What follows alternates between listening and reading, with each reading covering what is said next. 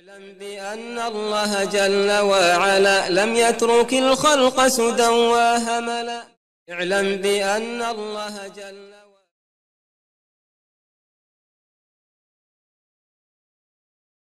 بسم الله الحمد لله الصلاة والسلام على رسول الله استعين بالله لا حول ولا قوة إلا بالله اللهم لا سهل إلا ما جعلته سهلا وأنت تجعل الحزن إذا شئت سهلا اللهم أرنا الحق حقا وارزقنا اتباعه وأرنا الباطل باطلا وارزقنا اجتنابه ولا تجعل الحق متلبسا علينا فنضل. اللهم آت نفوسنا تقواها وزكها أنت خير من زكاها أنت وليها ومولاها برحمتك يا أرحم الراحمين. ربنا لا تزغ قلوبنا بعد إذ هديتنا وهب لنا من لدنك رحمة. إنك أنت الوهاب اللهم إنا نسألك الهدى والتقى والعفاف والغنى اللهم إنا نعوذ بك من همزات الشياطين ونعوذ بك ربي أن يحضرون اللهم يسر ولا تعسر اللهم بارك وتمن بالخير أما بعد Sva hvala i zahvala pripadaju samo Allahu, savršenom gospodaru, kojemu niko nije ni sličan ni ravan. Njega hvalimo zbog njegove savršenosti. Njemu zahvaljujemo na savršenoj naredbi savršenoj odredbi. Od njeg pomoć, oprost i uputu tražimo. Koga Allah uzvišeni i svoje milosti uputi napravi put, je upućen. Koga Allah subhanahu wa ta'ala pravedno u zabludi ostavi, taj nema upućivača ni na ovom svijetu ka istini, ni na onom svijetu ka džennetu. Zato nadajući se Allahove subhanahu wa ta'ala milosti svjedočimo da nema drugog Boga sem Allaha, jedini i nema sudruga, i da je Muhammed sallallahu alaihi wa sallam Allahov rob najbolji i njegov poslanik posljednji. A zatim nastavljamo sa poglavnima koja govore o propisima koji imaju za cilj popravljanje edeba prema Allahu subhanahu wa ta'ala, to jest upozorenje na određene stvari koje ne dolikuju onome koji je na istinskom tevhidu, koji želi potpunost tevhidu, koji je spoznao Allaha subhanahu wa ta'ala, koji Allaha veliča onako kako se od njeg to traži. A Allaha veličati onako kako zaslužuje ne možemo makoliko se trudili. Kaže šeh rahimahullahu 54. poglavlju babu la yakulu abdi wa amnati poglavlje o tome da nije dozvoljeno reći moj rob i moja robinja. To jest u robovlasničkom sistemu koji je vrijedio poslanik sallallahu a ve veselim nas je obavijestio da će i biti pred kraj svijeta, trenutno je dokinut. Muslimanima je dozvoljeno da imaju robove i robinje i propisano je da u detalje kako da se ophode sa njima. Pa od te stvarnosti koja je neminovna u takvom sistemu, Allah subhanahu wa ta'ala objavljuje poslaniku Muhammedu sallallahu alaihi wa sallam nakon određenog perioda kad su oni koristili te izraze da upozori ummet Muhammeda sallallahu alaihi wa sallam da upozori vjernike da u određenim situacijama spomenut ćemo kad i kako, a nećemo se puno zadržavati na ovome zato što nam ovo plaho ne koristi u vaktu u kojem živimo, samo će izvući određene osnovne propise i glavnu pojentu ovog poglavlja, kratkog, da u određenim situacijama dakle ne koriste ove izraze. Iako je to istina. Čovjek dobije od strane države ili kupi, kako se to dešava, ne znam, na neki drugi propisan način, ima roba i to je njegov rob. Međutim, nije dozvoljeno njemu da kaže moje robe, moja robine, kao što stoji u hadisu. I većina islamskih učenjaka je na tome da je ovo pokuđeno, a ne zabranjeno. Čak Ibn Hajar Raskalani spominje iđma, iako je bilo pojedinaca među lemom koji su smatrali zabranom, zabranom harama, ne zabranom pokuđenosti ova, ovo što se spominje, ovu zabranu koja je došla u hadisu. Pa ćemo krenuti na komentar hadisa, nakon toga završite ako Bog da s ostalim propisima, pa prelazimo na narednu poglavlje za Allahovu pomoć i dozvolu. Kaže, fi sahih, od Ebu Hurere se prenosi da je poslanik sallallahu aleyhi ve sellem rekao La yakul ahadukum at'im rabbek, waddi rabbek, wa yakul sayyidi wa mevlaje. Neka niko od vas ne govori na hrani svog gospodara, Vodi rabbek, očisti, abdesti, donesi vodu za abdest, sve se ovo može razumjeti.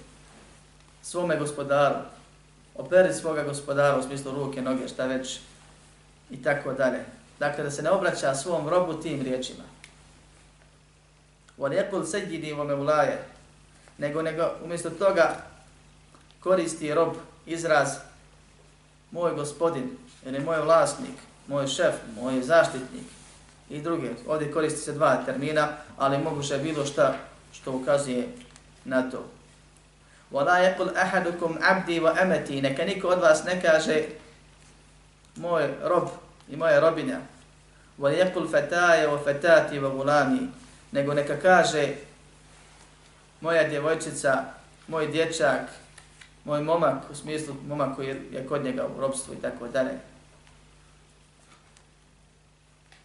Pa poslanik sallallahu alejhi ve sellem ovdje zabranjuje onima koji posjeduju robove da im pri direktnom obraćanju kažu nešto što bi moglo da uzrokuje dodatni vid poniznosti kod njih ili uzdizanje kod samih vlasnika tih robova. Da mu kaže dođi moj robe, poslušaj me robe, izvrši robe, nahrani, uradi, ne uradi. I zabranje se robovima da svoje vlasnike nazivaju gospodarima kad im se direktno obraćaju. Gospodaru moj. I tome slično. Iako se, braćo moja, u šarijaskoj terminologiji koristi izraz i robi gospodar. Dakle, u osnovi to nije zabranjeno. Zbog toga islamski učenjaci spominju i razilaze se kad, kako, u kojoj situaciji je dozvoljeno, je li ovo zabrana harama ili je zabrana pokuđenosti jer je osnovi dozvoljeno, pa je preče izbjegavat, ako kažeš nisi griješan, ili je haram u nekim situacijama pokuđeno u drugim dozvoljeno u trećim. Kad je u pitanju korišteni riječi rob, ili kad je u pitanju korišteni riječi gospodar. Pa dio učenjaka kaže da kad je u pitanju korištene riječi rob nije dozvoljeno, pa se razilaze da li to pokuđeno ili zabranjeno, a pokuđenost je bliža istine, Allah najbolje zna, pri direktnom obraćanju da ga doziva robom, robe moj. A dozvoljeno je s druge strane, kad bi neko bio upitan ko je ovaj čovjek da kaže rob tog i tog. Jer to obavijest. I kaže, čak je dozvoljeno da kaže pred njim, a bolje da izbjegne ukoliko bi to moglo da dovede do jedne od dvije situacije, rekao sam poniznost, dodatna robu ili uzdizanje vlasniku, da kaže ovo je moj rob. Slučaj da bude upitan, da priča, da pokazuje. Jer je roblje i metak u osnovi. Pa da pokazuje nekome te stvari i dozvoljeno mu je da kaže.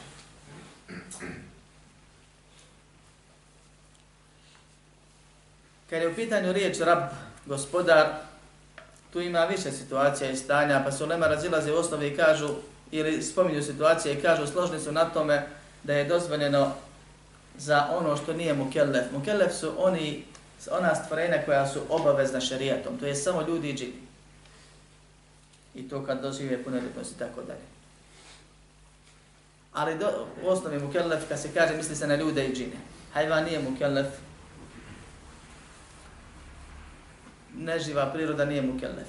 Pa kaže ono što nije mukellef, što nije obavezno šerijatom, zato je dozvoljeno reći, u to ima mnošto dokaza da se kaže gospodar kuće, gospodar auta, gospodar za domaćica se kaže na arabskom jeziku rabbetul bed, gospodarica kuće i tako dalje.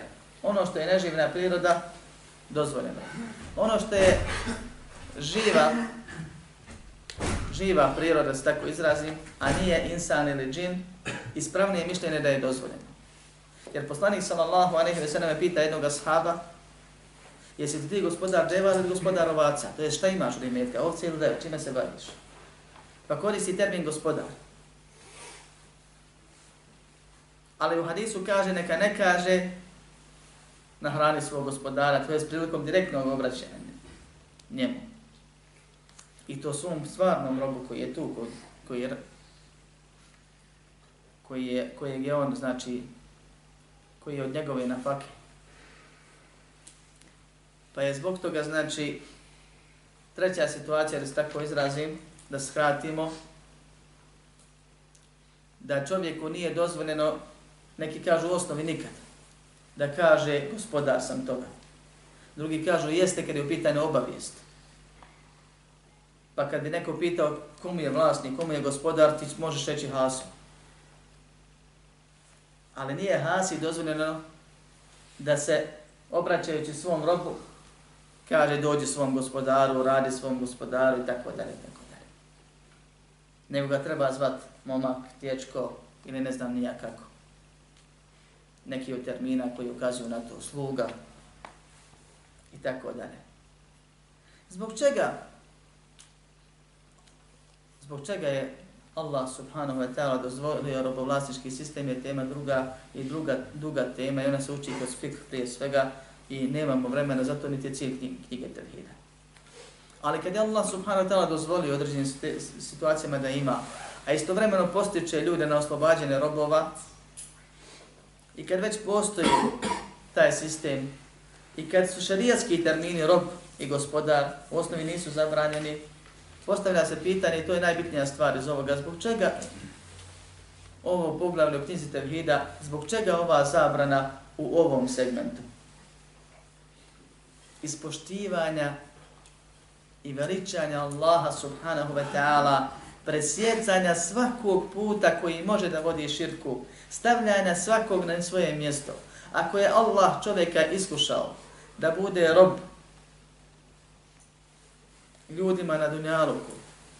A i on i njegov gospodar su robovi Allahu. I na dunjaluku i na ahiretu. Ne treba ga se dodatno ponižavati. Niti je dozvoljeno onome kome Allah subhanahu wa ta'ala iskušao ga da ima roba na dunjaluku, da se diže iznad nivoa kojeg ima. Pa da još to spominje, dođi gospodaru, ja sam ti gospodar, ja ti ovo, ja ti ono. Jer je rab Allahovo ime. Kad se kaže samo rab, to nikad nije dozvoljeno. Nije mu, reći, nije mu dozvoljeno nikad reći na hrani rabba. Da ne kaže svog rabba. Jer to je haram. To je poređenje direktno sa Allahom, sa Allahom imenom. A nije mu dozvoljeno reći ni i na hrani svog rabba, svog gospodara, kao što je došlo u hadisu, ispoštivanja prema ovim Allahovom imenu, sprečavanja svakog vida širka, makar onog prividnog malog ili puta koji vodi širku izveličanja Allaha subhanahu wa ta'ala. Jer onaj koji zaista zna da je rob i da Allahu robuje, taj neće sebi dozvoliti ni u riječima da se sa Allahom subhanahu wa ta'ala uporedi. Da kaže nešto što samo nekom zvuči, iako svi znaju da to nije tako, kao poređene sa Allahom subhanahu wa ta'ala i nepisanim sa Allahom. Poslanik sallallahu alaihi wa sallam je sjedio jedne prilike u mesčidu, pored njega su bili ashabi među kojima je bio Ebu Hureyre, pa je rekao, najišće vam čovjek koji je stanovnika dženneta. Pa je došao čovjek da klanja, kad je ušao poslanik sallallahu alejhi ve sallam je ustao, nasmijao mu se, poselamio se s njim i kaže Ebu Hureyre postaje, je to taj čovjek o Allahu poslaniče? Kaže, jeste. Pa on je rob te i te porodice. Pa kaže, poslanik sam nije mu na to ništa odgovorio. Pa kaže Ebu Horeire, o Allaho poslanice, zar nećeš nešto učiniti kad je tako već dobar vjernik, da ga se oslobodi, da skupimo nešto, da ga otkupimo. Pa kaže poslanik sallallahu alejhi ve sellem, i ovo treba da bude svima nam Bog za život. Bezvrijedni, kratki, dunjaločki. Kaže, šta ja mogu s tim ako mu je njegov dunjaločki udio da bude rob? To mi je sudbina, to je dunjaločki dio. Zaista će on na sudnjem danu biti na položaju vladara. Zbog svog ibadeta. I ovom hadisu ima puno ibreta, između ostalog i dozvoljenost korištenja riječi rob, kad kaže Abu Hureyre, on je rob te i te porodice, ali u, u trećem licu, a ne u prvom. I da to ko si na dunjaluku i koliko imaš i šta, šta posjeduješ, s čime upravljaš, ne znači kod Allaha subhanahu wa ta'ala ništa, osim više odgovornosti ili manje odgovornosti. Ali ko si i kakav si prema Allahu subhanahu wa ta'ala, prema njegovim propisima, kakvo mjesto Allah i njegova imena zauzima u tvom srcu, to i te kako znači i tebi i koristit će ti kod tvojeg gospodara prilikom susreta s njim pri polaganju računa na sudnjem danu. Pa je bitno insan da vodi računa ovim stvarima i Allah subhanahu wa ta'ala nas i kroz ovaj propis muslimane u tom sistemu kad žive odgaja da poštujemo i veličamo Allahu subhanahu wa ta'ala imena i Allaha i da izbjegavamo ono čime bi se, mo se mogli indirektno staviti na nešto što odliči samo nečim od Allahovi subhanahu wa ta'ala osobina, imena ili dijela. Nakon toga šeheh spominje drugo poglavlje i kaže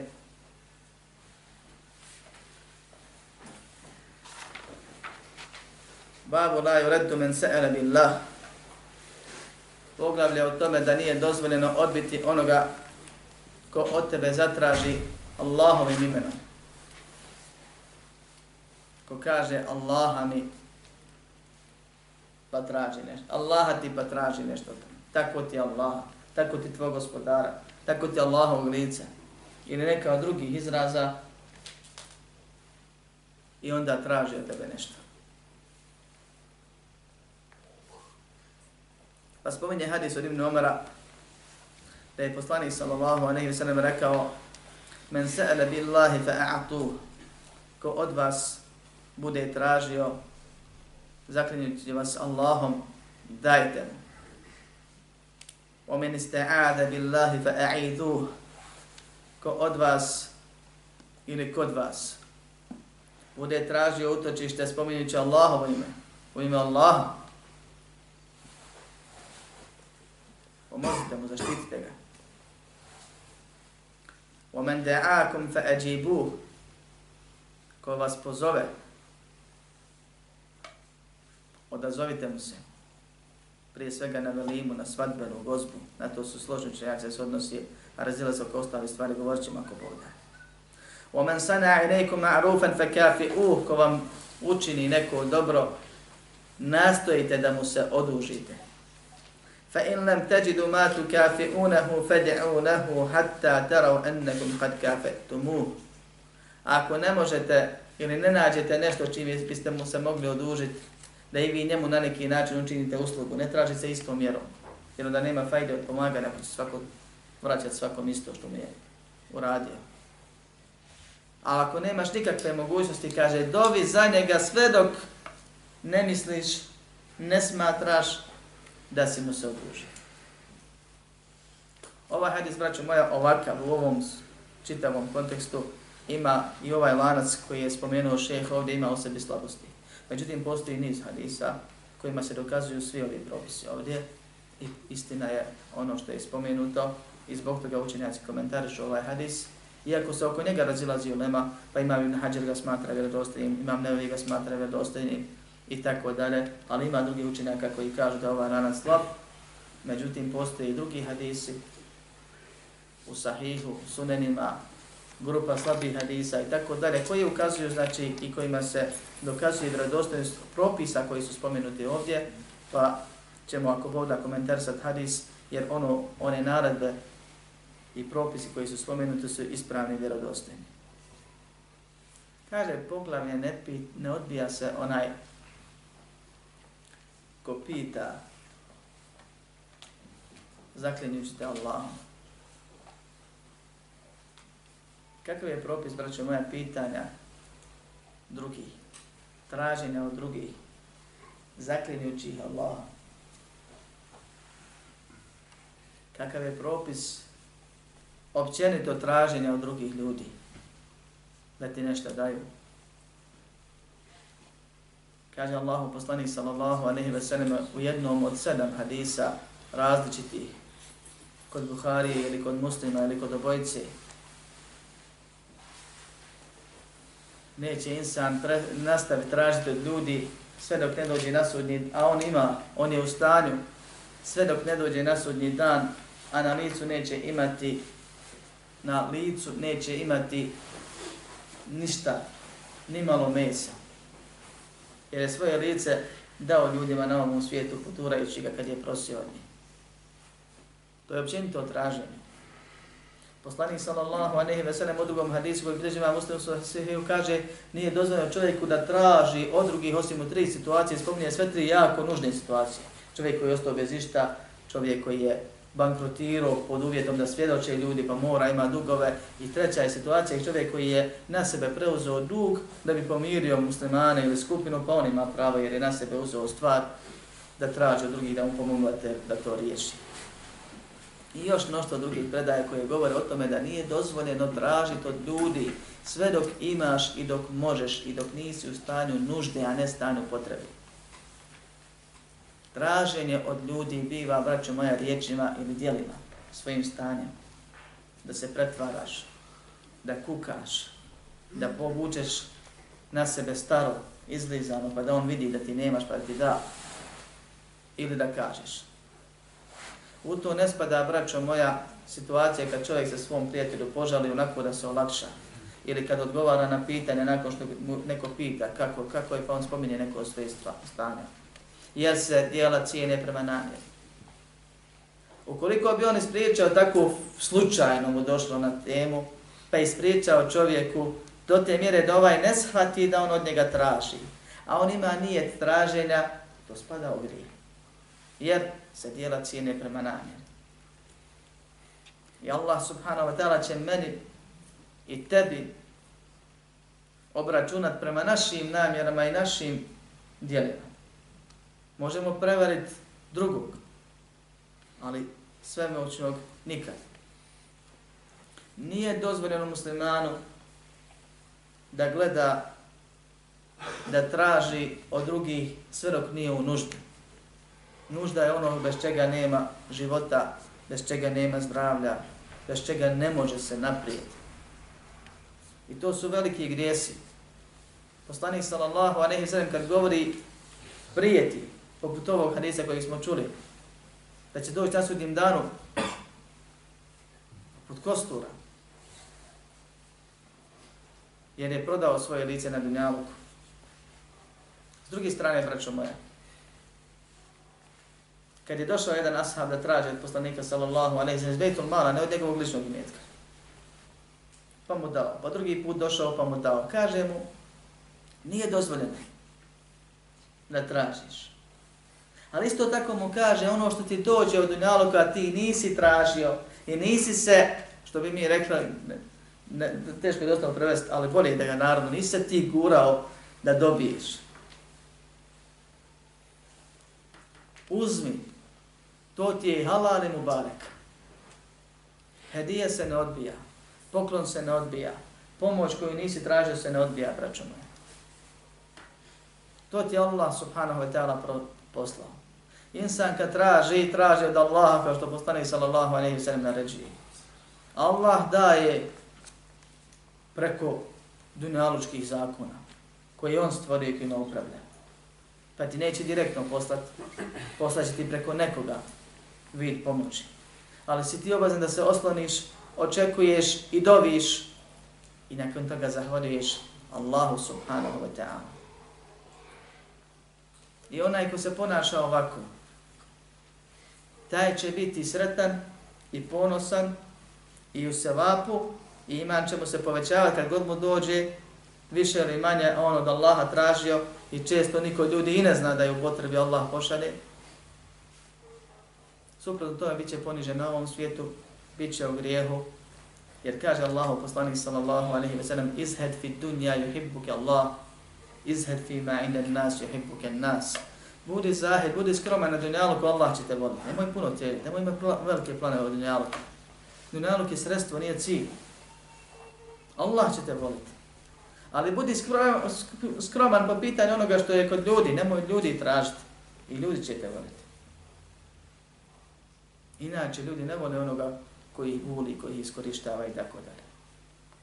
Druga stvar je, ukoliko čovjek ima bolesno srce, pa misli i boji se da ga neko iskoristava, ako što imamo današnju situaciju i međuđorske odnose, gdje se ljudi boje sjest nekim da ne bi osjećao potrebu da nekom nešto pomogne i tako dalje. To su druge teme. Ponovno kažem, ukoliko je insan čist, nije nijetio ovaj haram i nije radio ka njemu i nije se pokazivao s tim ciljem, pa neko od njega o, misli da je on takav, imat će sve vapon, a grijeh onaj što misli bez razlika.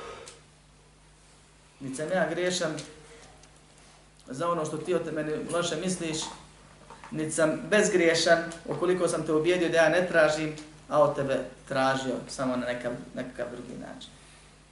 Jer Allah zna i Allah će suditi meni za moj nijet i tebi za tvoje mis, mi, misao i obrat. Čovjek mora da zna ovu stvar. Da je insan stvoren neovisan o svim osim o Allahu. I tako treba da ostane. Poslanik sallallahu alejhi ve sellem je tražio prisegu od prvih muslimana između ostalog da neće ništa od ljudi tražiti, pa su oni to bukvalno razumjeli. Pa kad mu zdeve, a deva je povisako i teško je i dignuti, spustiti. I to je procedura da je pokreniš i da je zaustaviš u odnosu na neku drugu jahalicu. Da kad mu zdeve štab spadne, on zaustavi devu pa je spusti, parkira je, pa siđe, pa uzme, nije htio nikom da kaže da daje mi štab, jer kaže, rekao sam poslanik sam da nikću nije tog tražiti. Ne mora musliman ovako, mi nismo dali prisegu da nećemo tražiti te neke sporedne stvari. Kad se priča o traženju, misli se prije svega na traženje imetka. Traženje pomoći na drugi način, ugledom ili tijelom, biti neko učini uslugu, to je puno blaže i puno lakše. Ali u svemu tome isto pravilo vrijedi. Što neovisni o ljudima, što više Allahu pokažeš ovisnost, Allah će ti počiniti i njegove stvari od nevidljivih vojski i ljude da ti pomognu, a ti ćeš i da ne biti neovisan. I imat ćeš ono što ti treba. Također, braćo moja, ako je samo traženje bez spominjana Allahovog imena zabranjeno, pokuđeno po nekima, učinjaci Hanbelijskog mezba kažu kad bi čovjek imao pred sobom strvinu i nema ništa da jede osim lešinu, ili da pita nekog drugog da mu da hranu, preće je da jede lešinu, svinju, nego da pita nekog drugog za hranu. To je vid nužde i nije obavezan da se ponižava i da grijeh čini drugi.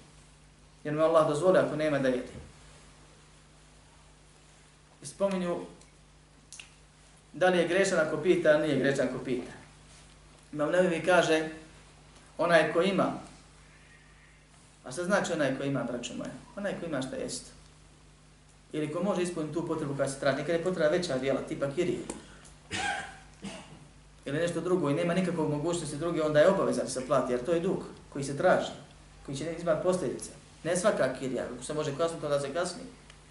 Nego u situaciji kad je baš kad ne možeš izvući, kad moraš, ali osnovi koji ima, ako ima šta jest, taj dan, ne mjesec dana unaprijed, ne za penziju.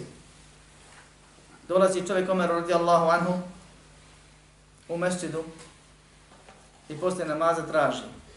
I Omer kaže ashabu, dajte mi. postakšama. Kad na jaci opet čovjek traži. I Omer kaže, zar ti nisam rekao da mu daš? Kaže, jesam, dao sam. I priđe tom čovjeku i vidi kod njega kesu hrani večer. I onda ga odgoji kako je imao običaj da odgoji i citiramo hadis ovaj, da nije dozvoljeno čovjeku da traži ako ima. I ako ima šta jesti, završeno. Novi dan, nova na faka. Pa onaj ko bude tražio od ljudi, kažu učinjaci šafijskog meseba, a u stanju je da zaradi, da obezbijedi, da preživi, ima dovoljno za taj dan, čini grije kod jednih, a drugi kažu, drugi dio učenjaka kaže, nije griješan ukoliko uradi to bez ponižavanja, ukoliko to uradi jednom, bez ponavljanja i bez bilo kojeg videa dosađivanja i uznemiravanja. Pa ako jedna od ovih stvari ponovno čini haram. Fali, ako jedna od ovih stvari fali. Stoga pitati ljude njihovi metak bez nužde je haram. A onda pojačavati to spominjući Allahovo subhanahu wa ta'ala ime kako bi iznudio oni od njih ono što kod Allaha ne vrijedi ništa. Jer je došlo u hadisu da dunjalu kod Allaha vrijedi koliko krilo mušice ne bi dao čafir da se vode na pjesnjima. Dunjalog čita, a ne ono malo što čovjek pokušava da je traži. Ti time izlažeš Allahovo ime mogućem poniženju. Da kažeš Allaha, mi, Allaha ti daj mi. I čovjek kaže ne mogu. Ne da. Ne. Pa propade. To je još veći grijeh i još veći problem. Ali ako se desi da čovjek već bude pitan, onda imamo ovo poglavlje, i ovo je sve u uvodu poglavlje, da vidimo kako reagovat ka, ako se desi da od tebe neko traži i zakunete Allahom da mu daš. Spominje se da je šeheh Muhammed ibn Abdul Wahab, autor ovog djela, komentarisao ovu svoju knjigu u mesčidu, pa mu je došao čovjek i zamolio ga da mu da i zakleo ga Allahom, da ga iskoristi i da ga provjeri. I rekao mi, Allaha ti daj mi to tvoje džube i lediću koju imao na sebi. Pa je šeh skinuo i dao mu i rekao mu, nemoj nije od tog tražiti, spominjući Allahu ime. Evo ti ti stražio. Ali nemoj to raditi, si ugrijao. Pa kaže Allahu poslanik sallallahu alejhi ve sellem: "Men sa'ala billahi fa'atuhu." Ko bude tražio zaklinjući Allahom, dajte mu. Ko da da?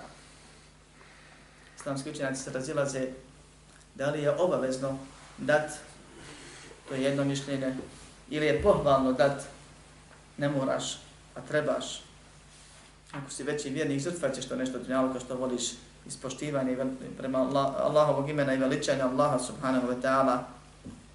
Ili tu imaju situacije. Pa šeho Islam ibn Temije kaže ukoliko budeš lično iskušan time, a ne skupina, dođe neko ovako nadrc, kaže Allaha vam pomozite mi. Svima je pohvalno, nikome nije obavezno. Ako se jednoj osobi obrati i ta osoba je u stanju da mu pomogne i ova osoba u osnovi traži halal stvar na halal način, nije u grijehu, nije poznat po tome da prosi stalno, je samo prošenje, čuli smo kakav je propis, to je samo po sebi haram. U toj situaciji je njemu obaveza da mu pomogne i da mu da. Stanuje, hm? Može, halal je i vidi da je zaista čovjek u potrebi. Ukoliko vidi da čovjek nije u potrebi, ali nije poznat u grehu, nego radi doš iskušanje time, bolje mu je da da nego da ne da. Jer ono što će od Allaha dobiti, poštujući ovaj propis, je veće od svega na dunjalku. Također, ukoliko se insan obrati grupi, bolje je da neko ustane i da, nego da ne daju niko. Je pohvalno i mogu niko da ne da. Ono što je pohvalno učiniti nije grijeh ako se ne uradi. Ali bolje je da neko ispoštuje i zaradi seba kod Allaha subhanahu wa ta'ala srtvujući nešto od dunjavka. Ukoliko dođe osoba traži haram, poznata je po laži, lažeti slučaj, socijalnu priču koja ne postoji. Poznat je po tome da prosi, zaknijete jednim ili više Allahovih imena,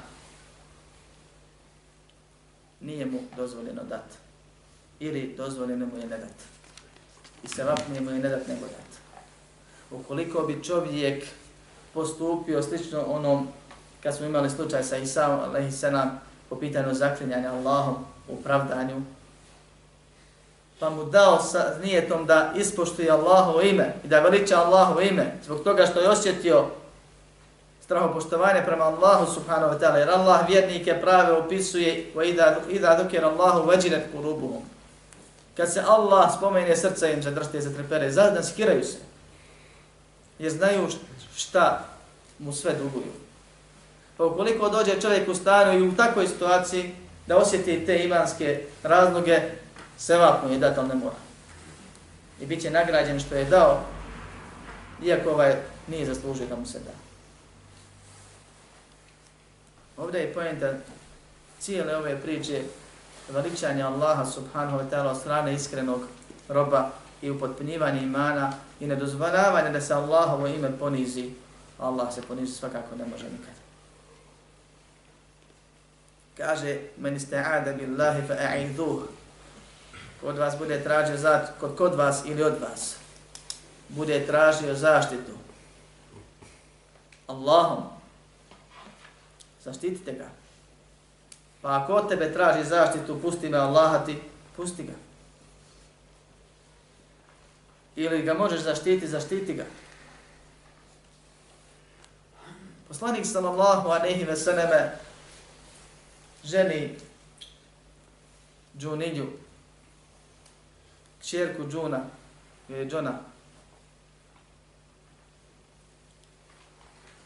I nakon što je vjenčao, ulazi prvi put kod nje. Prvi put se osamljuju. I ona, Allah pravedno svima dozvoljava i zna zbog čega. Reče rečenicu zbog čega izgubi svašta. Puno. Kako je ušao kod nje, rekla je, A'udhu billahi minka Utječem se Allahu od tebe. Šta je htjela Allah zna? Je li bilo rano, je li bila nespremna, je li nešto mislila, je li, je li, je li, Allah zna. I umjesto da bude majka vjernika, žena poslanika Muhammeda sallallahu alaihi wa sallam dobiva odgovor, لقد عذت بعظيم بمعات utjecala si se utočištem, utjecala se nečim velikim. Ilhaqi bi ahliki. Hajde ti svoje porodice. Poslanik sallallahu alejhi ve sellem je razvodio automatski bez sata života s njom. Radeći po ovom pravilu. Ko bude tražio utočište Allahom od vas ili kod vas, zaštitite ga ako ste u mogućnosti, inače ste grešni, ili, ili pustite ga ako ste vi ti čije se, čijeg se belaja boji. وَمَنْ دَعَاكُمْ فَأَجِيبُوهُ Ko vas pozove da zovite mi se. Učinaci su složni da se ovo odnosi na velinu, na svadbu, na svedbenu gozbu pa je obaveza muslimanu ako je u stanju, jer Allah nikog ne opterećuje preko mogućnosti, to je pravilo za sve Allahove propise. Ako je u stanju da se odazove obavezan i mora da se odazove, dođe, pojede, popije, čestita i ode. Ne mora se zadržavati, ne mora biti lijepo, ne mora biti neki razlog, ne mora mu se sviđa društvo i ostalo. Razilaze se oko ostalih hrana na osnovu drugih predaja koji također imaju ispominju spominju se ko bude pozvan pa odbije nepokorane Allahu i poslaniku, men du'ije ila ta'amin pa fa ljudžib, ko bude pozvan na hranu, neka, neka se odazove i tako dalje, da li mu je obavezno da ode, da li je grešan ako ne ode, jer je pohvalno, u svakom slučaju, pohvalno je muslimanu da se odazove muslimanu kad ga pozove, ukoliko je mogućnosti na bilo koju, znači, vid, jer ovdje se te zove ne u pomoć, nego da te počasti. I čovjek ne bi trebao bez razloga da odbija. S druge strane, sjećam se jednog pitanja, šeh Ibn Uthaymin je upitan za velinu, za svadbu. Zovu me na svadbu u vrijeme redovnog dersa. Šta da radi? Kaže, fino ćeš se izvinuti i otićeš na dersu. Je li to preče? Ako možeš stići nakon dersa ili prije dersa, otići ispuni vađak. Ne moraš ti sjeti tu, pjes pit, pjevat satima. Ako ne možeš, spomeni da imaš obaveznu stvar koja je za tebe obavezna, obavezao se pristup, prihvatio se da ideš, hoćeš pomažiti ka džennetu, ta stvar za Allahov pomoć, pa reci im da ne možeš. Što opet govori o vrijednostima predavanja u odnosu na druge dunjaločke stvari. Nakon toga kaže وَمَنْ سَنَعَ إِلَيْكُمْ مَعْرُوفًا فَكَافِئُهُ Ko vam učini neko dobro, ko vam pomogne u nečemu, nastojite da mu se odužite. Dobro se dobro im vraća i na ovom i na onom svijetu. Ako ti ljudi ne vrate, sigurno će Allah vrati na dunjalku i na ahiretu. Stoga mi kad činimo dobro, ne činimo radi ljudi da bi nam vratili, haram nam je to raditi. Nego činimo radi Allah. Svako može biti dobročinitelj. Nije uvijek dunjalukom. Dunjaluk je možda ne, i posljednja stvar. Da nas savjetuješ čovjeka hajrom, veći je sevap, veći si mu hajr učinio nego da, da mu platiš nešto i pomogneš. Jer mu to koristi. Da mu olakšaš, da ga podučiš nečemu što će on godinama poslije koristiti. I to je hajr. Pojenta je da svako svakome može na neki način koristiti. Rijetke su situacije kad ti se nađeš, možda možeš, ali ne znaš. Pa ima iz, izlazi za to u hadisu. Da ne možeš da ti vratiš neku uslugu uslugu. Onaj ko te počasti i metkom, trebalo bi da mu se insan što prije oduži na neki način. Da ne bi zbog najmizernije stvari koja je potrebna, bez nje ne možemo živjeti ali odnosu na druge hajrove najmanje vrijedna, da ne bi zbog toga tvoje srce robovalo njemu na neki način. Jer insan je takav, Allah ga takvog stvorio, da duše su bliske i osjećaju se nekako dužnim i ovisnim o nekomu komu, o nekome komu hajru učini. Nuk ne zaboravi. Stoga je propisano da čovjek odmah iz svog srca izbaci taj vid ovisnosti. Nije to prava ovisnost. Musliman vjeruje da Allahu samo ovisi. Ali osjećaš nešto prema njemu. Pa bi zbog toga možda nekad progledao kroz prste u nečemu što ne smiješ. Ili kad te pozove da mu pomogneš nešto što ti ne, ne bi tad pomogao, sjetiš se da je on tebi pomagao ranije, a ti mu se nisi odužio pa ti sad ideš. Ili ne do Allah, pomisliš da će ti neka zatrebati. Musliman tako se ne ponaša. To nama nije dozvoljeno mi ljude ne držimo zato što će nam neka zatrebati.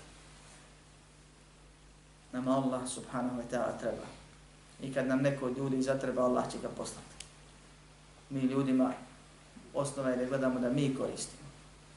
Ali smo društvena bića i koristimo ljudima i koriste nam ljudi. Moramo živjeti jedni s drugima i tako i treba. Pa kad ti neko neki hajr učini, gledaj da mu se odužiš, da ti njemu neki hajr učiniš odmah ili kasnije. Da mu hediju hedijom vratiš, ne mora biti ista iste istih mogućnosti. Ne mora biti ni približno vrijedna, jednako. Ali da mu ti daš koliko možeš, da mu pomogneš, da ga nasavjetuješ, da mu uradiš nešto, da mu odeš pomoć na neki drugi način. I tako dalje. Pa ako ne možeš, jer vidiš da to što mu radiš nije dozvoljeno. Poslanik sallallahu alejhi ve sellem kaže neka dovi za njega sve dok ne misli da mu se odužio. I dok ne vidi da mu se odužio, neka ti čovjek doviš nešto i vidiš da mu Allah mu brzo da. Pa imaš pravo kao musliman da vjeruješ da je to sebe u tvoje dobi. Također, došlo je u drugom hadisu da ko kaže da zake Allahu hajren, taj se već odužio. To se ne koristi, braćo moje, odmah. Nego ako vidiš da ne možeš drugačije. Ti ćeš reći čovjeku, odmah Allah te nagradi, odmah ćeš dobiti za njega. Ukoliko ti bilo šta bilo, kako najsitnije uslug učini. ali gledaj da postupiš onako kako je poslanik sallallahu alejhi ve sellem postupao tako što je vraćao poklone poklonima pomoć pomoću poslanik sallallahu alejhi ve sellem kad se zaduži na rok određeni u roku dugi vrati i uvijek prebaci ako traži 100 vrati 105 ili 110 ali od sebe dobrovoljno. I to je sunnet, to nije kamat, ako što neki misli. Kamata je kad te uslovi, kad ti znaš unaprijed da moraš vratiti više. I to je seva. I to je lijepo. Ko može, nije obavezno. I u tijoj situaciji, iako je osnova kod onoga ko pozajmi nekome novac, da ima velike koristi, ima sevap što ga je pomogao, ima sevap za svaki dan što njegove pare budu kod njega, ima korist što ne mora davati zekat na taj metak ukoliko traje godinama. On je već u, u, u koristi odnosno na tebe, ako si ti od njega pozajmio novac. I pored toga ne gleda, ne kažeš Allah će ti platiti, Allah će mu svakako platiti, nego i ti gledaš da mu vratiš navaka, da ispoštuješ i da s druge strane prebaciš od sebe, da on vidi korist, jer možda nema, nije svjestan ovih drugih blagodati koje Allah subhanahu ta'ala daje. Da ti ne može prigovoriti u najmanju ruku kasnije. I musliman pazi šta će drugi reći kad je u pitanju njegova vjera i njegova čast. I to je obaveza. Muhammed sallallahu alaihi sallam u nekoliko situacija ne izvršava šerijasku kaznu na one ima, koji, na koji je zaslužuju riječima da ne kažu da Muhammed ubija svoje ashabe. To je negativno za davu.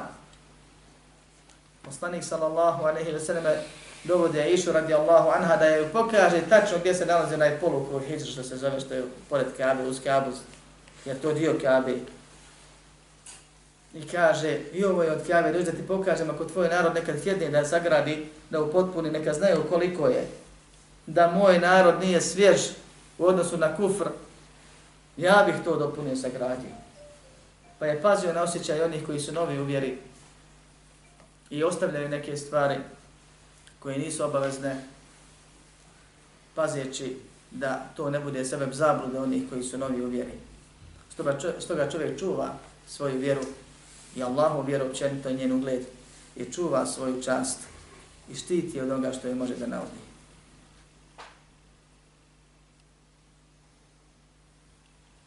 Ovi propisi o gospodarima i robovima, o traženju i neodbijanju onoga ko traži Allaha, subhanahu wa ta'ala imenom. I ono što smo čuli večeras od onoga što je Allah subhanahu wa ta'ala htio i dao da se čuje nas ponovno vraćaju na ono o čemu govorimo već sedmicama a to je da Allah subhanahu wa ta'ala traži od svog roba da mu rodbuje potpuno da ga veliča potpuno da ga voli beskrajno da se nada samo kod njega, da strahuje samo od njega, da se uzda samo u njega i uči nas raznoraznim propisima koje same po sebi ne moraju biti haram, možda je i mekruh, ali je preče to raditi, primijeniti, odnosno ostaviti, kako bi čovjek zaštitio svoj tevhid od onoga što ga narušava ili može u nekoj situaciji da ga naruši. I čovjek će biti nagrađen za sve ono što uradi u ime Allaha subhanahu wa ta'ala iz tih nagona koji, kojima se veliča Allah subhanahu wa ta'ala. Govorio sam vam primjer na ovom predavanju spuštanja mushafa i dizajna mushafa spoda i druge stvari gdje čovjek ima sevar ako nešto ne radi, makar ono samo poslije bilo dozvoljeno, ako ne radi to iz veličanja prema Allahu, Allaha subhanahu wa ta'ala ili njegovih propisa i svetinja, kao što kaže gospodar svjetova ومن يعظم شعائر الله فإنها من تقوى القلوب ko veliča Allahove svetine, to je znak bogobojaznosti u njegovom srcu. Molim Allaha subhanahu wa ta'ala da nas uputi na pravi put, učvrsti na njemu, usmrti na njemu i da nas proživi sa onim s kojima je on zadovoljan. Amin. Walhamdulillahi rabbil